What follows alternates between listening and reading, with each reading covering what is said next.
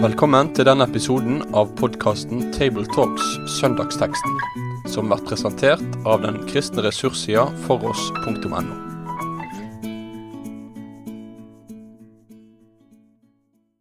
Velkommen til en ny episode av podkasten Tabletalks. I studio i dag sitter Reidar Valvik, professor emeritus fra MF Vitenskapelig høgskole. Jorunn Sjåstad, medarbeider på Bibelselskapet, redaktør i Logos. Og Kristoffer Hansen Eikenes, prest i Ryenberg kirke, Delk i Oslo. Teksten vi leser sammen i dag, finner du i Matteus kapittel 11 ifra vers 2. I fengselet fikk Johannes høre om alt Kristus gjorde. Han sendte bud med disiplene sine og spurte, Er du den som skal komme, eller skal vi vente en annen? Jesus svarte dem, Gå og fortell Johannes hva dere hører og ser.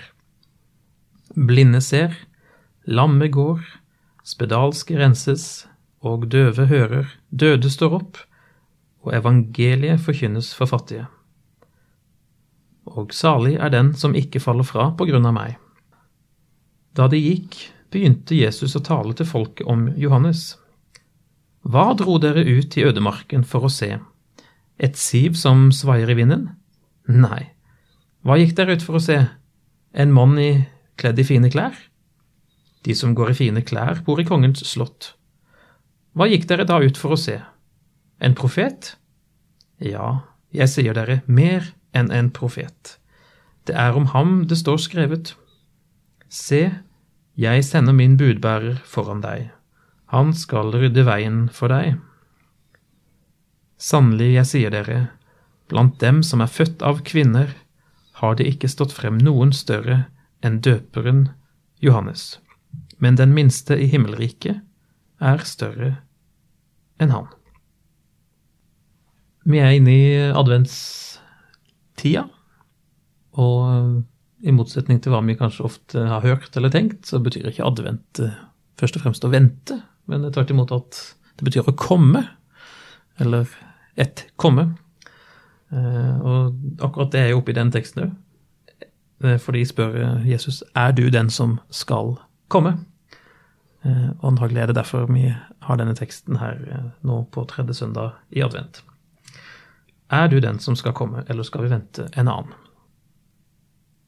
Han som skal komme, ja, hvem er det, da? Hva slags uttrykksmåte er det? Og hvorfor spør Johannes? Det får vi jo se litt på. Er det noen som har gjort seg noen tanker om det? Men apropos dette med at vi er i adventstiden. Det er jo nettopp at vi ser fram mot feiringen av Jesu komme. Og vi kommer i den sammenhengen mener vi kanskje mer enn én ting? Ja, men i første omgang feiring av Jesu første komme, da han ble født inn i vår verden.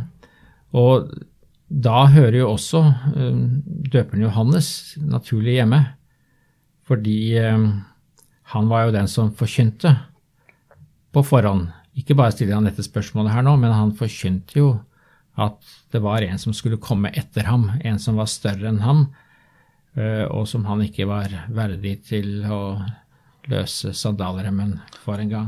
Og da er du f.eks. i Matteus 3, ikke sant, ved Jesu dåp. Ja, så jeg tenker at det er, det er, det er flere linjer. altså Døperen Johannes, vi må huske på at han er en ganske viktig skikkelse i Det nye testamentet. Når Jesus sier at han er den største som er født blant kvinner, så er jo det ganske god attest. da. Det er solid. Det, er, det betyr altså at døperen Johannes har en, en, en viktig rolle i Det nye testamentet. Og man kan jo spørre seg hva er det som gjør han så viktig? Jesus spør jo dette her, hva gikk dere ut for å se, var det en profet? Nei, noe mer enn en profet, sier Jesus. Og, det fører til at vi må kanskje tenke oss litt hva, hva var det som var spesielt med, med døperen Johannes? Han var åpenbart ikke en sånn der ekstremt uh, stor personlighet som gjør at han ruver blant alle profetskikkelsene.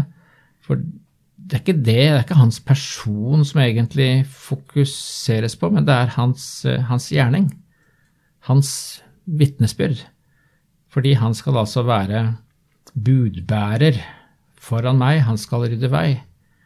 Så jeg tenker at det er viktig når man tenker på den storheten som Jesus tillegger eh, døperen Johannes, den er knyttet til det han har å si om han som skal komme.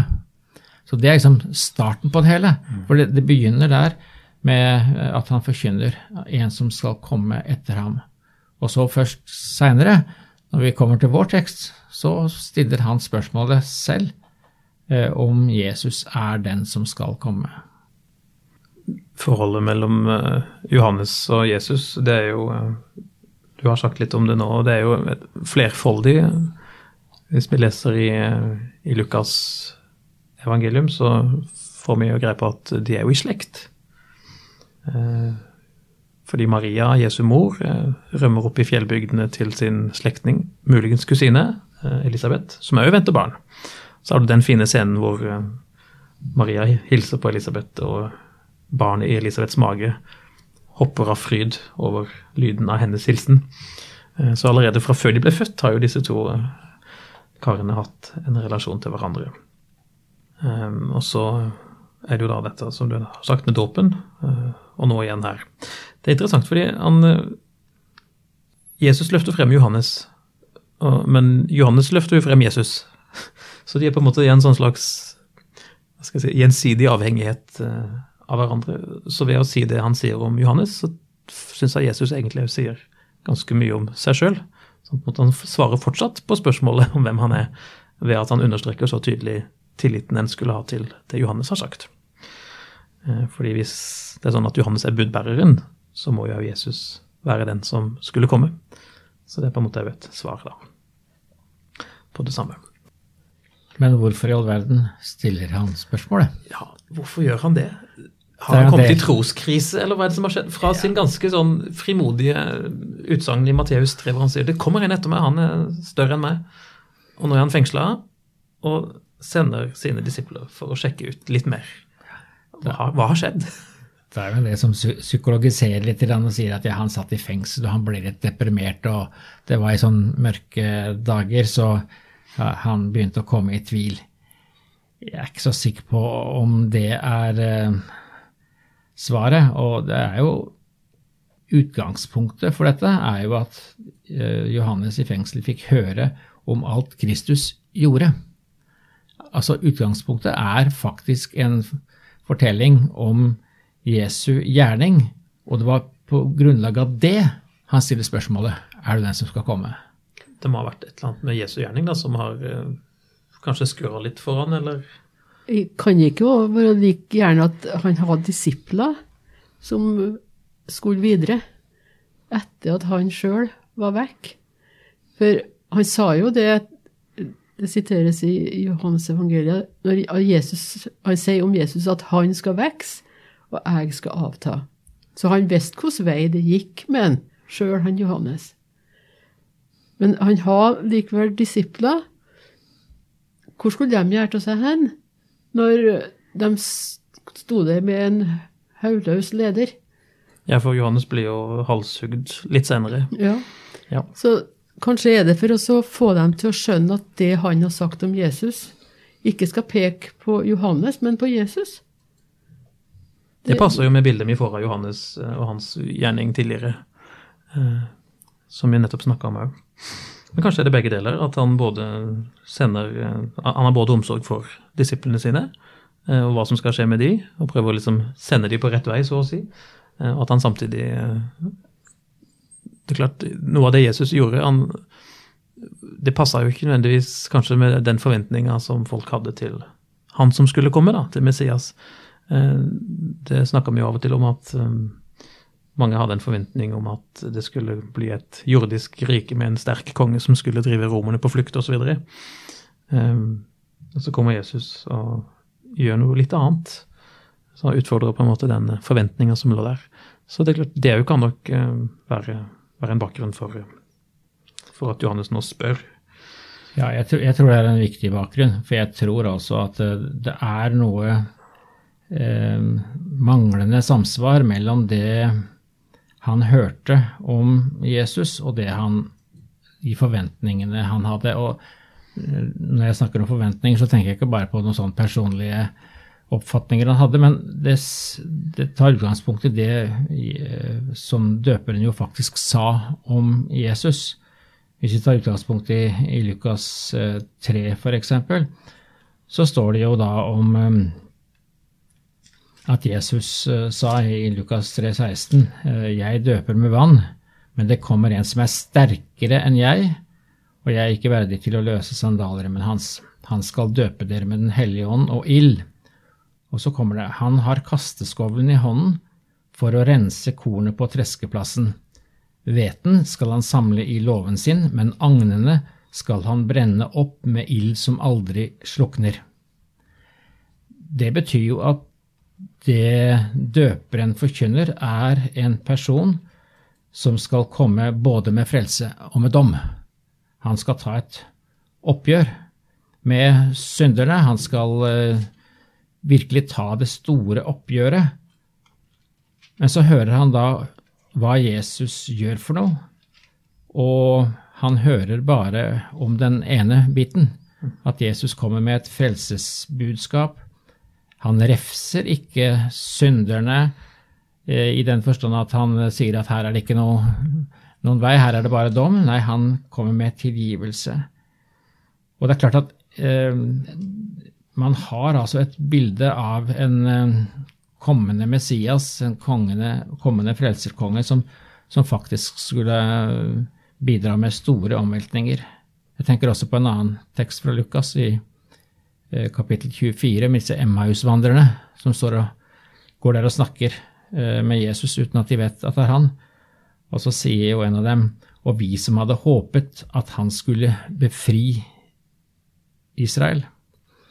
Det betyr jo at man ventet en, en eh, frelsesskikkelse som skulle bidra med store omveltninger, et kraftig oppgjør med synden og den urettferdigheten som er. Så det var allerede noe i det som døperen hadde sagt, som nå ikke stemte. Det er liksom en sånn grunnleggende uh, utfordring, tenker jeg, for uh, Johannes. Så han, du kan jo kanskje, for å si det med et moderne uttrykk, hans Jesusbilde, eller gudsbilde, stemte på en måte ikke helt. Altså han, det var ting han eh, ikke så som han syntes han skulle sett, og da måtte han undersøke det litt nærmere. Og var han jo lur han gikk til kilden og fikk jo sånn sett Han gikk til rette sted med sine utfordringer, da. Ja, men hvem skal da tenke om vers 6, som Jesus legger til i det som ellers er sitat fra Det gamle testamentet, og salig er den som ikke faller fra på grunn av meg. Er det en advarende pekefinger til Johannes? Ja, det, Hva skal vi si om det? Det er jo hvert fall, det er jo interessant at det står der. Eh, og på en måte så ja, Det er åpenbart at det der med Jesus det åpner jo for eh, flere reaksjoner. Eh, den ene er den som vi nå har i vers 6. Man kan falle fra det han gjør og sier, kan være anstøtelig, rett og slett. Men på en annen side så kan du òg åpne for tro og tillit. Eh, og det er jo tydelig hvor han vil ha Johannes hen, hvis vi skal tenke at dette er retta til Johannes. Jeg tenker det kunne like gjerne være retta til oss som leser det nå, og som sitter her og snakker om det. Hva, hvor, hva, gjør vi med denne Jesus, sånn som han fremstår for oss i, i Bibelen og i evangeliene særlig da? Er han den vi ønsker oss, eller er han litt annerledes jeg tror svaret på det er at han er jo ofte litt annerledes enn vi kanskje forventer. Så vi må liksom stadig inn og sjekke bildene våre av hvem han er mot hvem han sier sjøl at han er. På den måten så er det jo aktualisert det for oss, dette her. Ja, det er åpenbart et ord som ikke bare går til Johannes. Det går til alle de som egentlig kommer i møte med Jesus. Men hvis vi ser litt nærmere på, på det svaret som Jesus eh, ga, da. Ja, Han gir jo ikke et ja- eller nei-svar, i hvert fall. Han, eh, nei, litt mer han, kryptisk. Han viser eh, til, eh, til noen fakta. Se hva som skjer, sier han til disiplene til Johannes. Dette kan du gå tilbake og si. Se hva som skjer. Og det han jo vil eh, vise, er at eh, det som skjer, er oppfyllelse av gammeltestamentlige løfter. For her er det veldig tydelige linker tilbake til eh, Gammeltestamentet, særlig til tekster hos Jesaja. Når det tales om de blinde og døve i det ene verset her, så finner vi jo det igjen i Jesaja 35,5. Da skal blinde øyne åpnes, og de døve, døves ører lukkes opp. Og det som er interessant med tanke på det vi snakket om i, i sted, er jo at sammenhengen det, det frelsesordet står i i Isaiah 35, det er en sammenheng som også taler om Guds dom. Altså verset foran, altså Jesaja 35, 4, Si til de urolige hjerter, Vær sterke, ikke redde, se deres Gud. Han kommer med hevn, med gjengjeld fra Gud. Selv kommer han og frelser dere. Ja. Eh, så det er jo et frelsesbudskap til eh, de som tar imot eh, dette budskapet, men det er også en, en tekst som taler om dom. Og døperen Johannes har vel liksom tenkt at denne kombinasjonen den er jo så tydelig i Det gamle testamentet, i frelsesordene, som er kombinert med domsord, så, så, hvorfor er det ikke slik hos Jesus? Og Det fører oss jo over til, eh, til en, en annen Jesaja-tekst eh, som ikke vi kan unngå å nevne, nemlig Jesaja 61, eh, som jo Jesus selv siterer i Lukas 4 ja, det er jo når han har sin eh, store tale i synagogen i Nasaret. Ja. Det som vel kalles Jesu programtale, eller liksom Ja, eller ja. tiltredelsespreken, eller et eller annet sånt. Noe i den stilen, ja. Og, og, og, den teksten som Jesus siterer fra da, den lyder jo sånn hos Jesaja. Herren Guds ånd er over meg, for Herren har salvet meg, han har sendt meg for å forkynne et godt budskap for hjelpeløse, for å forbinde dem som har et knust hjerte, rope ut frihet for dem som er i fangenskap, og frigjøring for dem som er bundet, for å rope ut et nådens år fra Herren og en hevnens dag fra vår Gud. Ja, sånn står det i Jesaja. Men når Jesus leser denne teksten, så dropper han jo dette siste ordet om hevnens dag. Så der står man overfor dette grunnleggende liksom, problemet når man tenker på Jesus som oppfyllelse, ja, han oppfylte jo bare den ene delen. Hvor kom dommen? Hvor kom oppgjøret? Eh, og det er jo det Det er på sett og vis en helt naturlig innvending. Eh, fordi det, vi har tekster som taler om begge deler, og så kommer Jesus bare med det ene. Det gjør han. Også samtidig, hvis vi, det er jo interessant eh, hvis vi leser litt videre i kapittel 11 hos Matteus, så er det ikke mer enn Det virker nesten som at når Johannes først har sagt noe om dette, at det mangler noe her, så er Jesus allerede i vers 20 i ferd Da går han i gang med å refse byene hvor han har gjort sine mektige gjerninger. Så eh, hvis Johannes bare hadde klart å vente en dag eller to, så hadde han fått svar på det. Nei, men jeg skjønner hva du mener. Eh, disse tingene skal jo klinge sammen. Og det er en utfordring som ikke er helt eh, ny, som du viser, men den er samtidig ikke bare gammel. Eh, den er jo aktuell òg nå. Eh, fordi det er vel flere av oss som kan kjenne på en sånn et behov for å løfte frem de positive og lyse sidene ved Jesu forkynnelse og gjerning. Og så er det der med å snakke om dommen og vreden, det sitter litt lenger inne. og Det kan hende at vi òg på en måte skulle få et spørsmål fra Johannes av og til. Er det sånn at det du nå sier er helt riktig, fordi jeg savner noe her? Det er jo en um, ja, da, evig fristelse. Den, den kristne kirke har jo kommet til rette med det. Eh, på grunnlag av Jesu ord, fordi Jesus talte jo altså ikke bare om sitt første komme, men også om sitt andre komme. Nettopp. Han skal komme igjen, altså ta som menneskesønnen skal komme på himmelens skyer. Eh, og vi bekjenner i den apostolske trosbekjennelse han skal komme igjen for å dømme levende og døde. Så det aspektet med dommen hører jo med i det kristne budskapet, men det blir ofte talt eh, lite om. Men det er på sett og vis en helt nødvendighet for å komme til rette med, med løftene og profetiene fra Det gamle testamentet. At her er det, det, det gjenstår noe. Altså dette, dette, er Helt fra oldtida så var jo dette et problem. eh, jøder sa at de kunne ikke tro på at Jesus var Messias, for han hadde jo ikke brakt den messianske tid, som innebærer en helt ny tid, og også en dom. Eh, jøden Tryfon, som diskuterer med Justin Martyr, eh, kommer akkurat med denne innvendingen. Men da peker jo Justin på dette. Ja, men Jesus skal komme igjen, og da skal herlighetsriket opprettes, og da skal oppgjøret tas. Det minner jo om en tekst som vi la oss for noen uker siden, fra Jesaja 60, der avslutninga er 'Jeg er Herren, når tiden er inne, lar jeg det skje i hast'. Så om det mangler akkurat nå i, i Jesu forkynnelse, og Johannes er litt ute etter å spørre hvorfor det er sånn, så er det jo rett, nettopp fordi at Johannes ikke har hele bildet.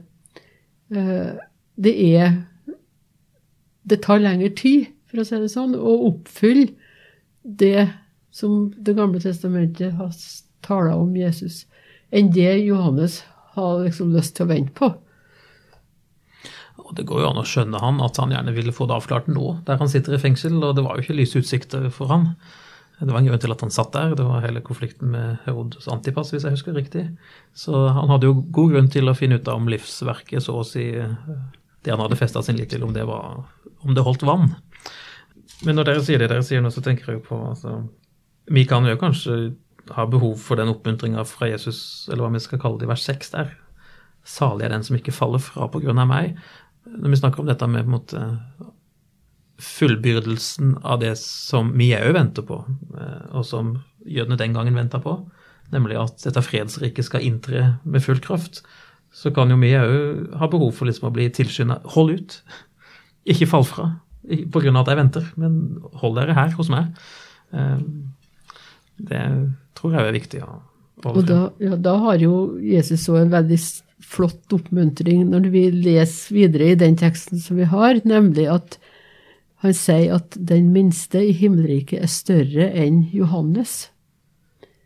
Det er en ganske dryg påstand, vil vi si, hvis vi tenker på hva det var Johannes har gjort, og hva det var slags rolle han gikk inn i. Så tenker jeg det at eh, hvordan skal vi tenke da om oss sjøl? Ja, du tenker, Hvor passer vi inn på stigen, liksom, hvis Johannes er på toppen? Ja. ja. Det kan bli langt ned til de fleste av oss. Jo, men det, det sier Jesus at det ikke er. Nei. Og det, da er du jo inn i et, et verdisystem eller en, ja, en, familie der tingene ikke er helt sånn som vi er vant til å tenke dem, nemlig rang og orden. Mm. Og hvorfor er det sånn? Ja, det, det tror jeg du vet svaret på sjøl, Jørund. Jeg tenker det at eh, dem som da har blitt Guds barn gjennom det budskapet som Jesus kom med, de har jo blitt Jesu søstre og brødre. Og det er det største av alt, ikke sant? Enten vi heter Johannes eller noe helt annet, så er det jo det som det til slutt koker ned til. Og når vi da snakker om denne dommen og vreden som jo hører med, så er jo ikke det noe å frykte for den som får ha tittelen Guds barn, eh, og som nettopp lever i dette her som Jesus bringer til veie. Eh, som ikke faller fra, men som der er man jo tvert imot salig, som Jesus også sier. Og der er det jo en sånn eh, i dette, dette ordet Og salig er den som ikke faller fra av meg.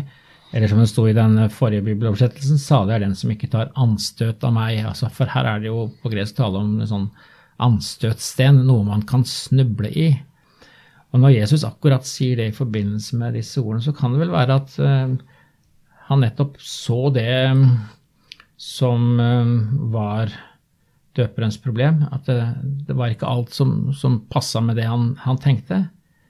Og dessuten så må vi huske at disse tingene som det vises til, de er jo ikke så entydige som vi tror. Altså at det skjedde under. Ja, Jesus ble jo konfrontert med at ja, du står i ledtog med Eh, lederen for de onde ånder. Eh, så man kunne alltid finne noe å utsette på Jesus.